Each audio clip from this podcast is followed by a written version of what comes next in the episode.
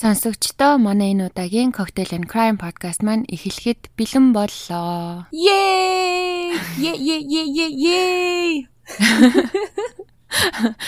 За хоёлаа подкастэнд орохоос өмнө уламжлалт ёсоор анхааруулдаг юм анхааруулъя.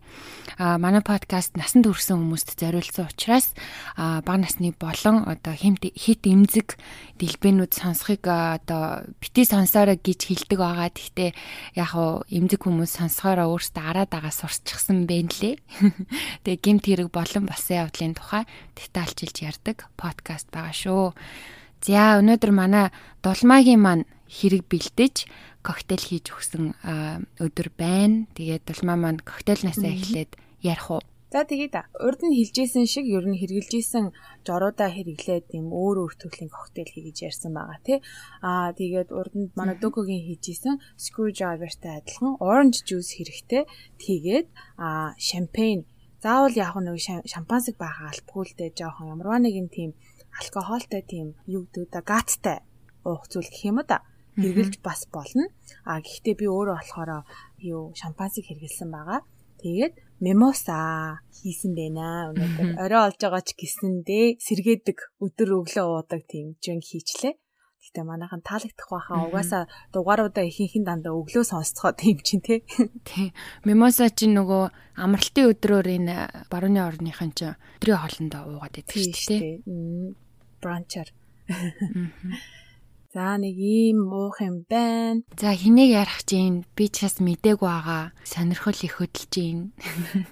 Би бас амар сонирхолтой олсон энэ хүнийг ерөөсөө би урд нь сонсож байгаагүй байжгаад дандаа л одоо нөгөө олны танил олны танилч байх уу ер нь хүмүүс нэрийг хараад гадралдаг хүмүүсийг ярьж ийсэнс өөрний хүн яриад үзье гэж бодоо зүгээр хайхгүй юу? Бас нэг юм дуулаанд хэрэгүүдийн тухай ингээд судалж исэн чинь нэг хүн гарч ирлээ.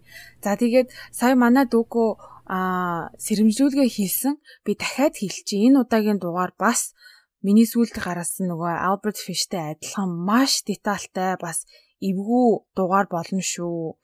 Тийм болохоор бүр дахин дахин сэрэмжлүүлмээр байна. Сүүлийн дугаар дээр хүмүүс дуусгаж чадсангүй амар байлаа гэж тэгжсэн. Хэрвээ тийм бол энэ дугаарыг ер нь эхлүүлсний ч бараг хэрэггүй ахаа. Адилхан аимшиг юм сонсогдсон шүү гэж анхааруулмаар байна. За тэгээд гол хэрэгтэй орё да. Хэргийн эзэн хэнгэргийн тохиурыг олж ярилццгаая бүгдээрээ. Нэлжирхий авчлаа шүү. Альберт нэртэй төстэй гэсэн чи. За тэгээд энэхүү хэрэг маань Мизори мужийн Канзас Сити гэх хотод болсон байгаа. 1988 оны 4 сард годамжинд ажиллаа хийж явсан Mirror Maid буюу одоо монголоор зам тээврийн зохицуулагч гэх юм уу да. Гэхдээ нөгөө юм зогсоол шалгадаг хүн. Аа за нэг тиймэрхүү хүн ингээд ажиллаа хийгээд явж исэн гинэ. Тэр хүний явж исэн газар нь болохоор Charlotte Way гэдэг тийм стрит гудамж байсан. Тэр гудамжны 43.15 гих тоотноос хаягтай цагаан хаусны хоёр давхраас нохооны хүзүүчнээс өөр юу ч зүгээгүй чармаа шалдан залуу өсрөн бууж ирсэн байна. За тэгээд тэр залуу Christopher Bryson гэдэг бөгөөд унахдаа хөлөө хугаасан ч тэр нь одоо түүний одоо биедээ авсан а ер нь хамгийн хөнгөн бэрхтлүүдийн нэг нь байсан гэж байгаа. Тэгээ түүнийг ингээ харахад нүд нь цус хурсан, улаасан, хавцсан, арьс нь уулаа ингээ товруутсан, эн тэндгүү тав суусан байдалтай байсан. Тэгээ Кристофер гарч ирээ тэр ажилтнаас цагдаа дуудаж өгөхийг хүссэн. За тэгээд хэргийн газар цагдаагийн байгууллагын ирж Кристофер залуугаас юу болсон талаар асуухад 4 хоногийн өмнө машин дагдах гэж зам дээр явж байхад нь Боб Бердела гэх эрэгтэй хүн түүнийг олж авсан бөгөөд гэртээ авчран түүнийг төмрөөр зохин ухаан алдуулт орон дээрээ хүлэн хорьсон бөгөөд 4 хоногийн турш түүнийг хүчиндэж тамалсан гэжээ.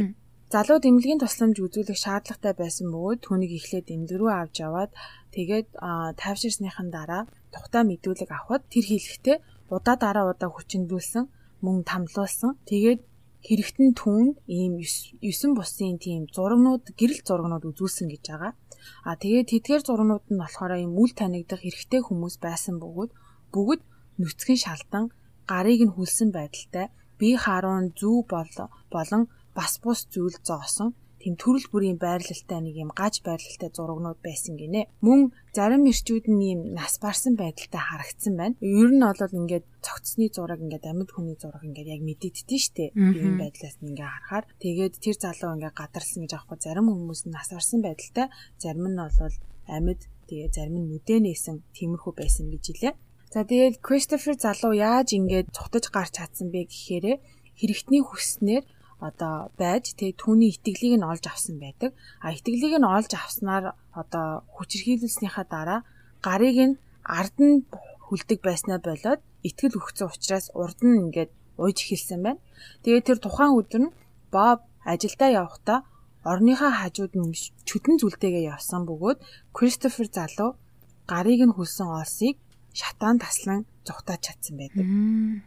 За тэгээ хэрэг болсон гэх тэр гэрийн эзнийг эрхийг хүлээн 2 цагтаа арц хоцорсон байдаг. Бобыг эрэхт нь хүн хулгайлан хүчирхийлсэн хэрэгээр байравчлан гэрт нь орж нэгжлэг хийхийг шаардсан боловч Боб зөвшөөрөөгүй байна. А харин нөгөө нэг юм онцгой байдал байсан учраас түүний гэрийг тэр дорн нэгжих зөвшөөрөл шүүхээс шууд ирсэн гэж байгаа. За тэгээ тэр Боб Бердела гих эрэгтэй гэрийг нь нэгжиж эхэлвэ. Түүний хаусыг нэгжиж эхлэхэд маш замбраагүй байдалтай байсан. Кристофер залуугийн өсрөн гарсан тэр хоёр давхар байрлах ундлахын өрөөрөө ороход Кристоферийн хийснээр орныхын хүл хавцаа тэр ярьжсэн шатаасан олсон олцсон байдаг. А өрөөнөөс нь олцсон өөр зүйлс гэвэл хананд залгасан юм цахилгаан шилжүүлэгч холбоостой түүнтэй холбоостой утас ингээ орлуу чиглэсэн байдалтай төмөр подоос дээр ингээ төрөл төрлийн өвчин намдаах мансууруулагч одоо зүү тариа болон нүдний тусаагаар тавьсан байдаг. Мөн өрөөнд төрөл төрлийн олс, тийм төрөл төрлийн суран бүс болон юм урт төмөрнүүд олддог. Тэр одоо тухайн орны арам илэгцэн байсан илэгцэн тийм байдалтай байдаг. Харахад бол ингээд ямарваа нэгэн амьтан эсвэл хүнийг ингээд тэнд хүчээр ууж хорж байсан нь шууд одоо илэрхийлэхтгэхээр ингээд юу оролцоор хагаад ингээд юу ячдээ штэ зулгарчдээ штэ мод чинь яг тийм болцсон байсан гэдэг. Задлахын өрөөнөөс гарan хаусыг нэгчгэд нэг шүгэнээс нь хүний гавлын яс коридорт нь ингээд жижиглэн хөрөөцөн нуруу нугасны яснууд тогтуунд хийсэн хүний шүднүүд тэгээд арын арын хашаанд нь ийм хагас одоо илжирсэн мууцсан хүний толгой олцсон байдаг. За байрны basement буюу зойрыг шалгахад цуснууж болон хатсан тийм гар хөрөө мөн электрон хөрөө хөрөө олцсон гэж байгаа. А тэр хөрөөн дээр нь болохоор ингээд цус, хүний арьс, мах болон ийм бэлэг эрэхтний үс наалтцсан тийм байдалтай олддог байгаа. Нэгжлэг хийх явцад зойрыг нөгөө luminal гэд бодис те тэрийг ашиглан харахад зойр бүр ингээд бараг хан тааз одоо шал бүх юм нь юм цуснд бүр тэр чигээрээ цуснд нэвчэгдэх гэсэн байсан гэж байна. За тэгээ тэр хауснаас бас олцсон сонирхолтой зүйлсүүдийн одоо нэг нь болохоор 360-аад ширхэг тийм гэрэл зураг олцсон байдаг.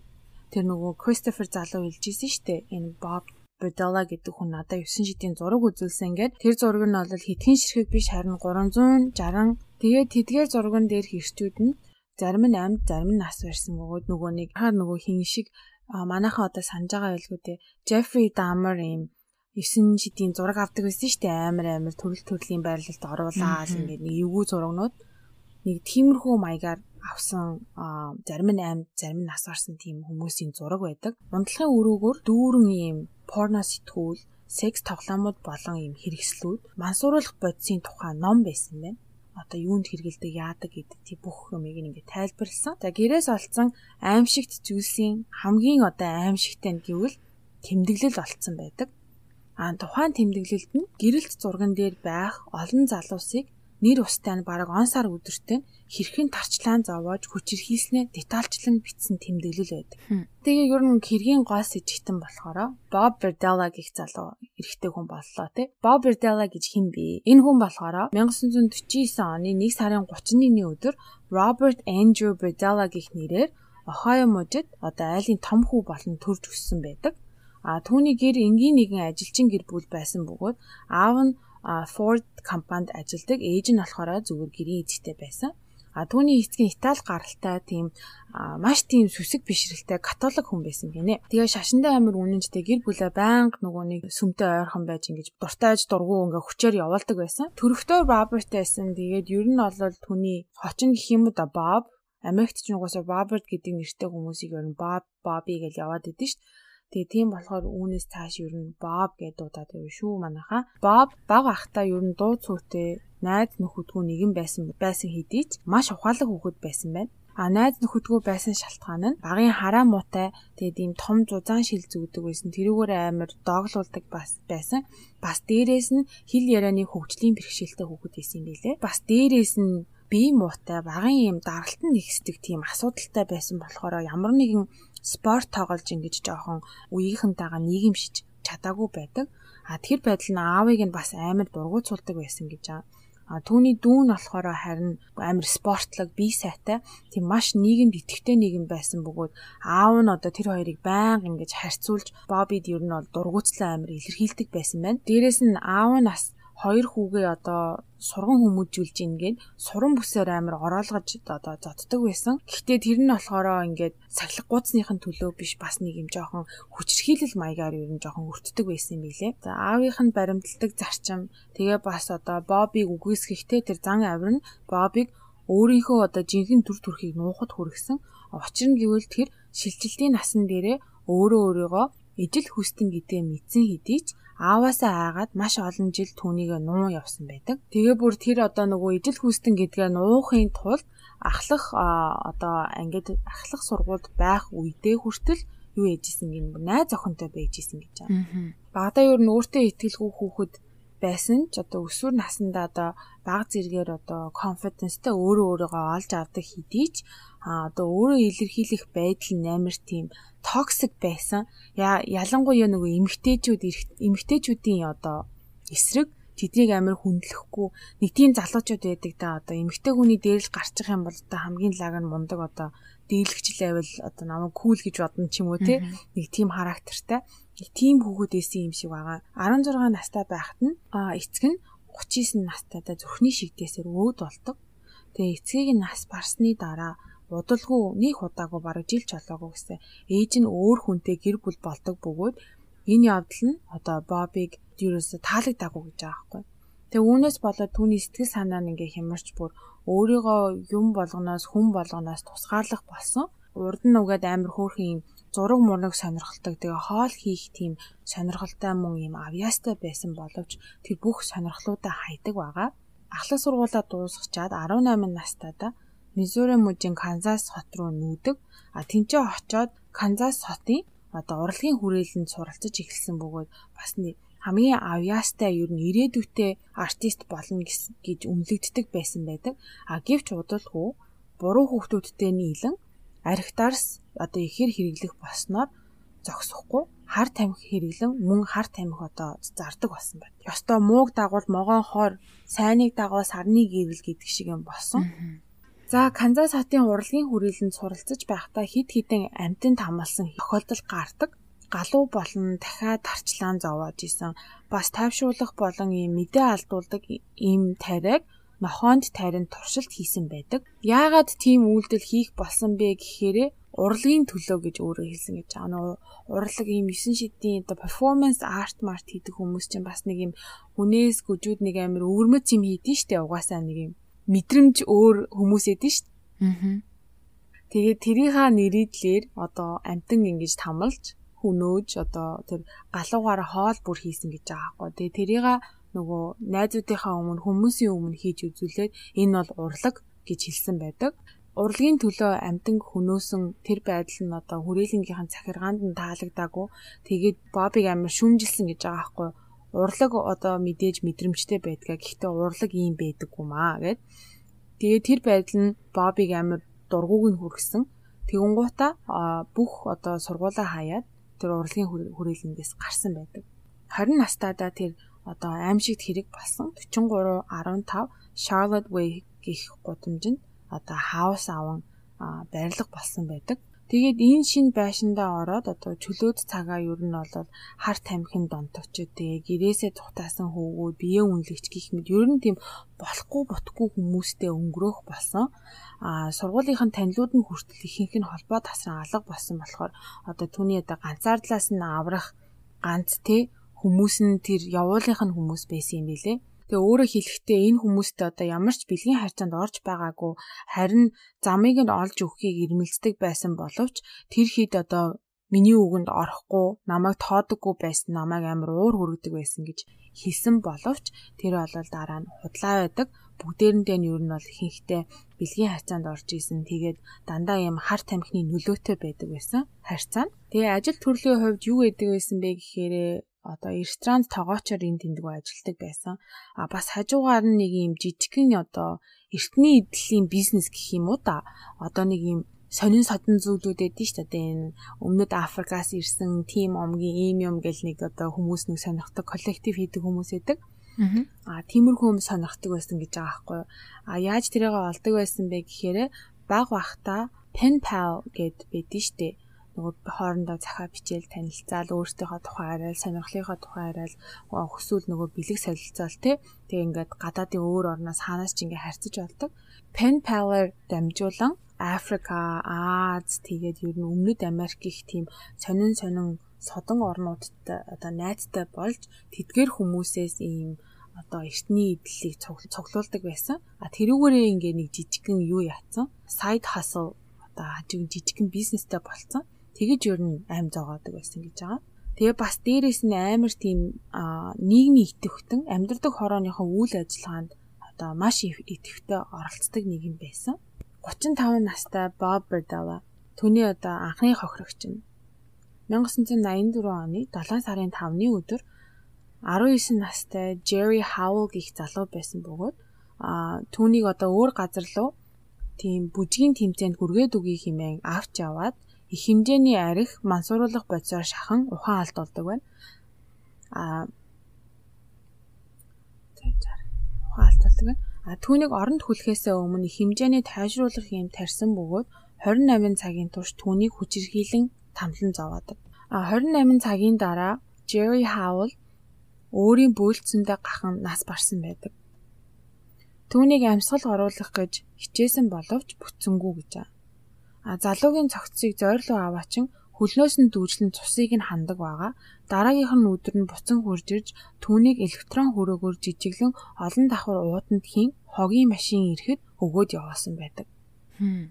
Бобийн тэр одоо шүүгэнээс олцсон тэмдэглэл нь штэ. Тэр дэвтрээс уншихад Jerry Howell Бобоос яагаад намайг ингэж зовоож байгаа юм бэ гэж удаадараа удаа асуусан байдаг. Тэгээ Боб харин хариуд нь өөрийг нь одоо шоолон инээж улам илүү үгээр доромжлон гутаасан тэрийгээ хүртэл ингээд дэвтэр дээрээ өөрөө бичсэн. Яагаад намайг ингээд тарчлаан зовоож байгаа юм бэ гэж асууж байгаа нь инээд хүрмээр одоо миний өмч болсон гэдгийг мэдэхгүй л байгаа юм бахта ухааны юм бичсэн. 1985 4 сарын 10-ны өдөр одоо 1 жилийн дараа 23 настай Роберт Sheldon гэх залуу одоо түүний үүдэнд ирсэн байдаг. Аа тэгээ угаасаа явуулын залуусыг байн гэрте хонуулдаг байсан учраас хэсэг хугацаанд хоноглох газар одоо хайн ирдэг тэр залуу. Боб тэр залууг хөнөө гэсэн бодлого байсан юм билэ. Гэхдээ 2 хоногийн дараа гэртээ ирсэн чинь Роберт зэн согтуу хөвтөжсэн түүнд амар таалагдаагүй. Тэгээ дургуун хүрээд түүнийг мансууруулах тариа хийгээд тарчлаан зовоохоор шийддэг байгаа. Тэгээ өөрөө хэл дараа хэлэхдээ би тэр залууг хохирогчоо болгоё гэж төлөвлөөгүй байсан хэдий ч одоо бусдад уурлах, уураа гаргах завшаантай одоо хэрэгсэл болон гарч ирсэн учраас түүнийг ашигласан гэ. Тэгээ 3 хоногийн турш түүнийг зовоож нүдийг нь одоо гэр ахын цэвэрлэгээний бодисоор арчдаг, тусаадаг, хумсных нь завсраар зүү хийдэг, гарыг нь чанга бомбүр мэдэрлийг нь хүртэл гимтээ ингээд ашиглаж чадахгүй болгосон бөгөөд чихийг нь одоо гэр оронд нөхсөв тийм бүгэлдэг барилгын материалаар цутхан бүгэлсэн байдаг. 5 хоногийн дараа буюу 4 сарын 15-ны өдөр байранд нь засвар хийх ёстой хүн ирсэн учраас Роберт Sheldon гих залуу одоо амьсгалыг нь хаан хөнөөсөн ба түүний биеийг задлан жижиглэн хайсан. 2 сарын дараа буюу 6 сар гадаа аянга цахилгаантай бороо орж байхад Марк Wallace гих залуу Бобби үүдэнд нүмер хайн зогсож байсан гэж байна. Боб түүнийг хараад гэртээ уурсан бөгөөд одоо сэтгэл санаагийн чинь засах зүйл өгье химээж одоо хар тамхи өгье гэсэн байдаг. Марк залуу гэрт нь ороод 30 минутын дараа одоо түүнийг мансууруулан Боб бузар ажиллаа хийж эхэлсэн байдаг. Бараг бүтэн өдрийн турш түүнийг тогон цохиулан тамтаж арьс махныхын завсраар юм төрөл бүрийн шингэн ин тариа тарин туршилт хийдэг. Маркийн биеинд хит хэмжээний хар тамхи байсан бөгөөд тэрнээсээ болоод одоо бүүлжөөд огойд бүүлжөөд тэгээ бүүлцэндөө бас gaхан нас барсан байдаг. Тэгэд яагаад ингэ бүүлцэндөө гахаж нас орж байгаа гэхээр энэ хүмүүс дандаа ингээд орон дээр дээш нь харуулад ингээ хүлээд хөвтүүлсэн болохоор ерөөсөө хөдлөх боломжгүй. Тэгээ маш амар тийм мансуурлын байдалтайгаа болохоор өөрөө яг яаж байгаа мэдэхгүй. Тэгээд ингээ 3 дахь хохирогч нас орсон байдаг. За тэр явдлаас хойш 3 сарын дараа 85 оны 9 сарын 26-нд танил залуу болох James Ferris одоо хідэн хоног хоноглох газар хэрэгтэй байна хэмээн Бобтой холбоо барьдаг. Боб түүнд өгсөн хоорондоо нууцаар им хийсэн бөгөөд ухаан алдуулсны дараа одоо шууд юу н тарчлааж эхэлсэн гэж байна. Тэгээд James Ferris гэх залууг маш өндөр хүчтэйгээр түүний мөр болон юм төмсгийг нь тус тусад нь цохиулдаг. Дээрээс нь одоо түүний бэлэг эрэхтэн хүзүүг зүгээр хатгсан бөгөөд James Ferris ухаан одоо амар тийм ухаан санаа нь орон гарan байсан. Тэгээ сүүлдээ бүр сууч чадахгүй бэртчихсэн мансуурчихсан байсан бөгөөд Боб тэмдэглэлдээ бичихтэй James Ferris-ийг ер нь хог болсон байсан. Шал хэрэггүй, юун ч хүрч чадаагүй зүгээр л хайсан гэж бичсэн байдаг.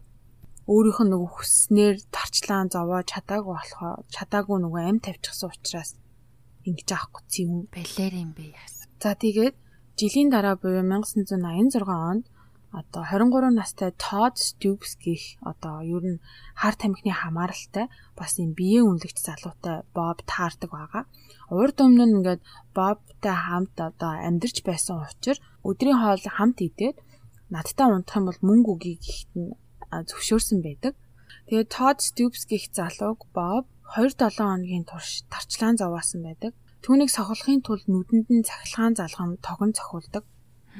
Түүнийг хоолоор нь цэвэрлэгээний бодис шахан бараг ярьж чадахгүй болгодог. Яагаад гэвэл орилоод хүн амьтны анхаарлыг татчихна гэд. Сүүлд Bob Berdella хэлэхдээ Todd Stoops болохоор сайн байсан. Одоо надад үнэхээр ингэж таалагддаг байсан гэдгээ илэрхийлдэг байгаа. Харамсалтайгаар залуу яаж өнгөрсөн бэ гэхээр Bob түүний ануусыг гараараа хүчирхийлэн дотор цус алдуулдаг бөгөөд удалгүй гимтлээсээ улбал нас орсон байдаг. Дараа жил нь буюу 1987 онд 20 настай Larry Pearson гэх залуутай одоо найзын харилцаа үүсгдэг байгаа. А хэдэн сар хамт амьдарсан байдаг. Larry болохоор байрны мөнгөний оронд гэр орныг нь цэвэрлэж өгдөг байсан бөгөөд эхэндээ залуу хөнөөх бодлого байсан боловч хэдэн сарын дараа Larry шоронд ордог байгаа. Тэгээд Bob түүнийг шоронгоос гаргаж аваад явж хахад Larry одоо тоглоомоор хэлсэн гинэ одоо ойр хавьд байдаг тий одоо арчаагүй гомо нарыг ер нь дээрэмдэд мөнгө төгрөгийг авчвал яадیں۔ Гэхдээ Бобд амар таалагдаагүй. Тэгээд тийм дургу зүйлийг нь хилцэн чинь одоо энийг ер нь бол хөнөөй гэж одоо ташлаан зовоё гэж одоо сэтэл орж ирсэн байна. Бобийн сүулт хэлснээр Larry түүний хохирогч нараас хамгийн дуулууртай байсан гэдэг. Тэгээ хамгийн анх зойрондоо оруулан түүнийг гарын хүлээд тогон цохиулдаг бөгөөд гарыг нь хид хідэн газар хугуулсан А яагаад гисэн бэ гэхээр өөрийнхөө үгэнд оруулж дуулууртай байлгахын тулд ингэж зодож занчиж тий айлган сүрдүүлсэн байдаг. Тэгээ Боб түнд хэлэхдээ чи ингээд сайн байх юм бол тий би чамд илүү итгэх болно. Илүү итгэл өгнө гэдэг чинь чамайг баг тамлна гэсэн үг. Тийм болохоор ингээд томоотой бай гэж хэлсэн байдаг.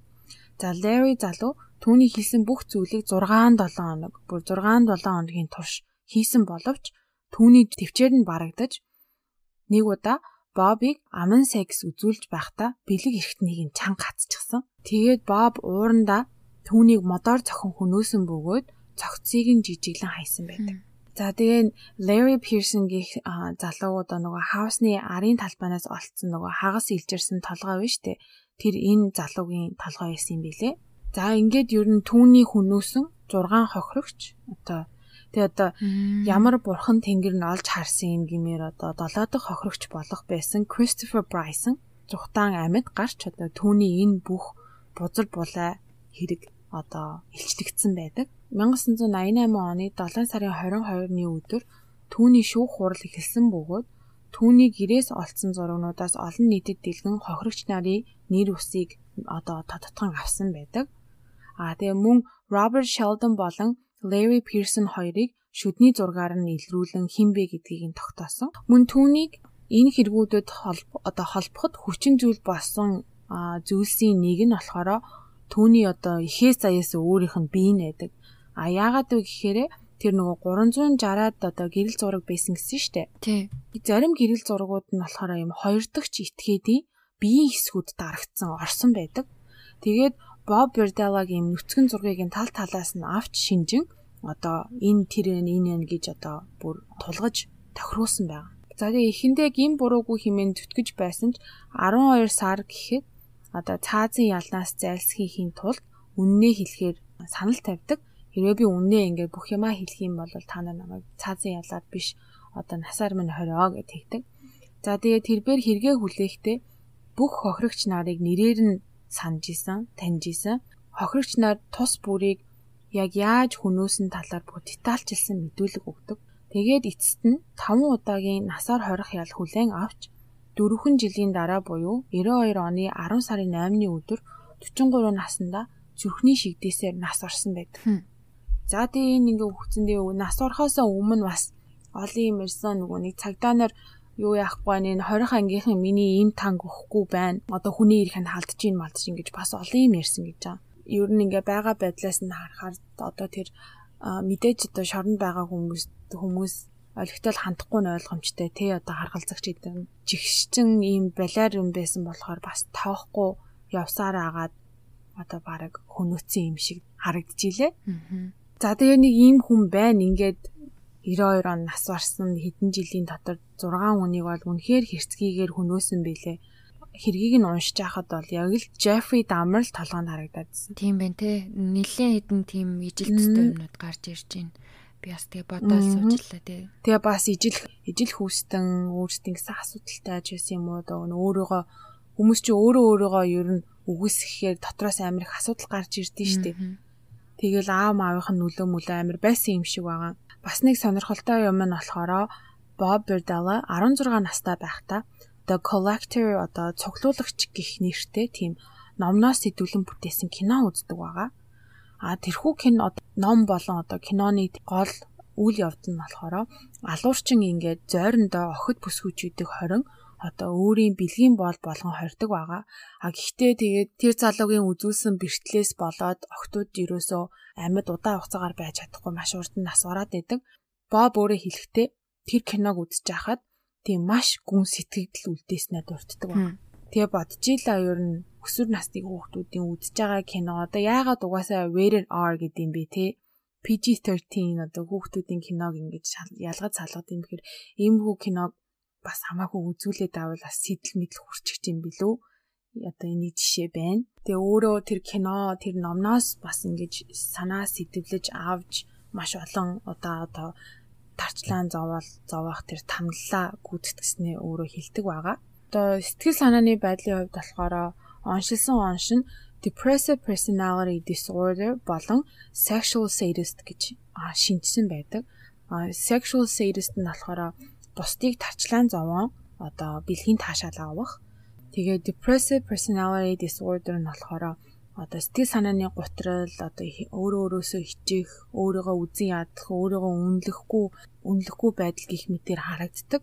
Тэгээд одоо түүний аимшигт одоо хэрэгээ үйлцэн хаусыг тухайн үеийн амар баян millionaire худалдан аваад газартай тэгшлэн хайсан гэж байгаа. Тэгээ хэрэг илэрсний дараа угаасаа түүний цуглуулдаг байсан нөгөө нэг сонин садан зүйлс нь шүү дээ. Тэр дэлгүүр өөрийнх нь тэр сонин садан зүйлсийг дуудлах худалдаагаар зарсан бөгөөд тухайн үедээ 88 онд болохоор 60 мянган ам доллар 2021 оны байдлаар тэр нь болохоор 132 мянган доллар гэж байгаа аахгүй. Тим их мөнгөөр худалдаалагдаад тэгээд Тэр мөнгө нь болохоор өөрийнх нь шүүх хурлын процесс болон хохирогч нарын гэр бүлд явсан гэж байгаа. Нэг тийм байна. Аа манайхан кино амар яриад байдаг. 2004 онд болохоор Bazaar Bizarre гэдэг нэртэй тийм documentary байдсан байлээ. Аа линкийг нь чадвал олоод тавья. Бас тэгэрээс нь шинэхэн гэвэл 2009 онд байдаг а бүр нэртэй нь Birdella гэдэг нэртэй тийм кино байдсан байлээ. Эрэг шүмжлэл хүрсэн кино гэх юм уу да ялангуяа басан гимт хэрэг юм аимшиг юмд дуртай хүмүүсийн дунд тийм болохоор манайхан сонирхчвал тэр киног олоод үзээрэй. За нэг ийм хэрэг байна. Завхарсан балай. Одоо нөгөө Jeffrey Dahmer-ийн одоо барыг нэг ганц дутж байгаа юм гэх юм бол махыг нийддэг байсан юм шүү.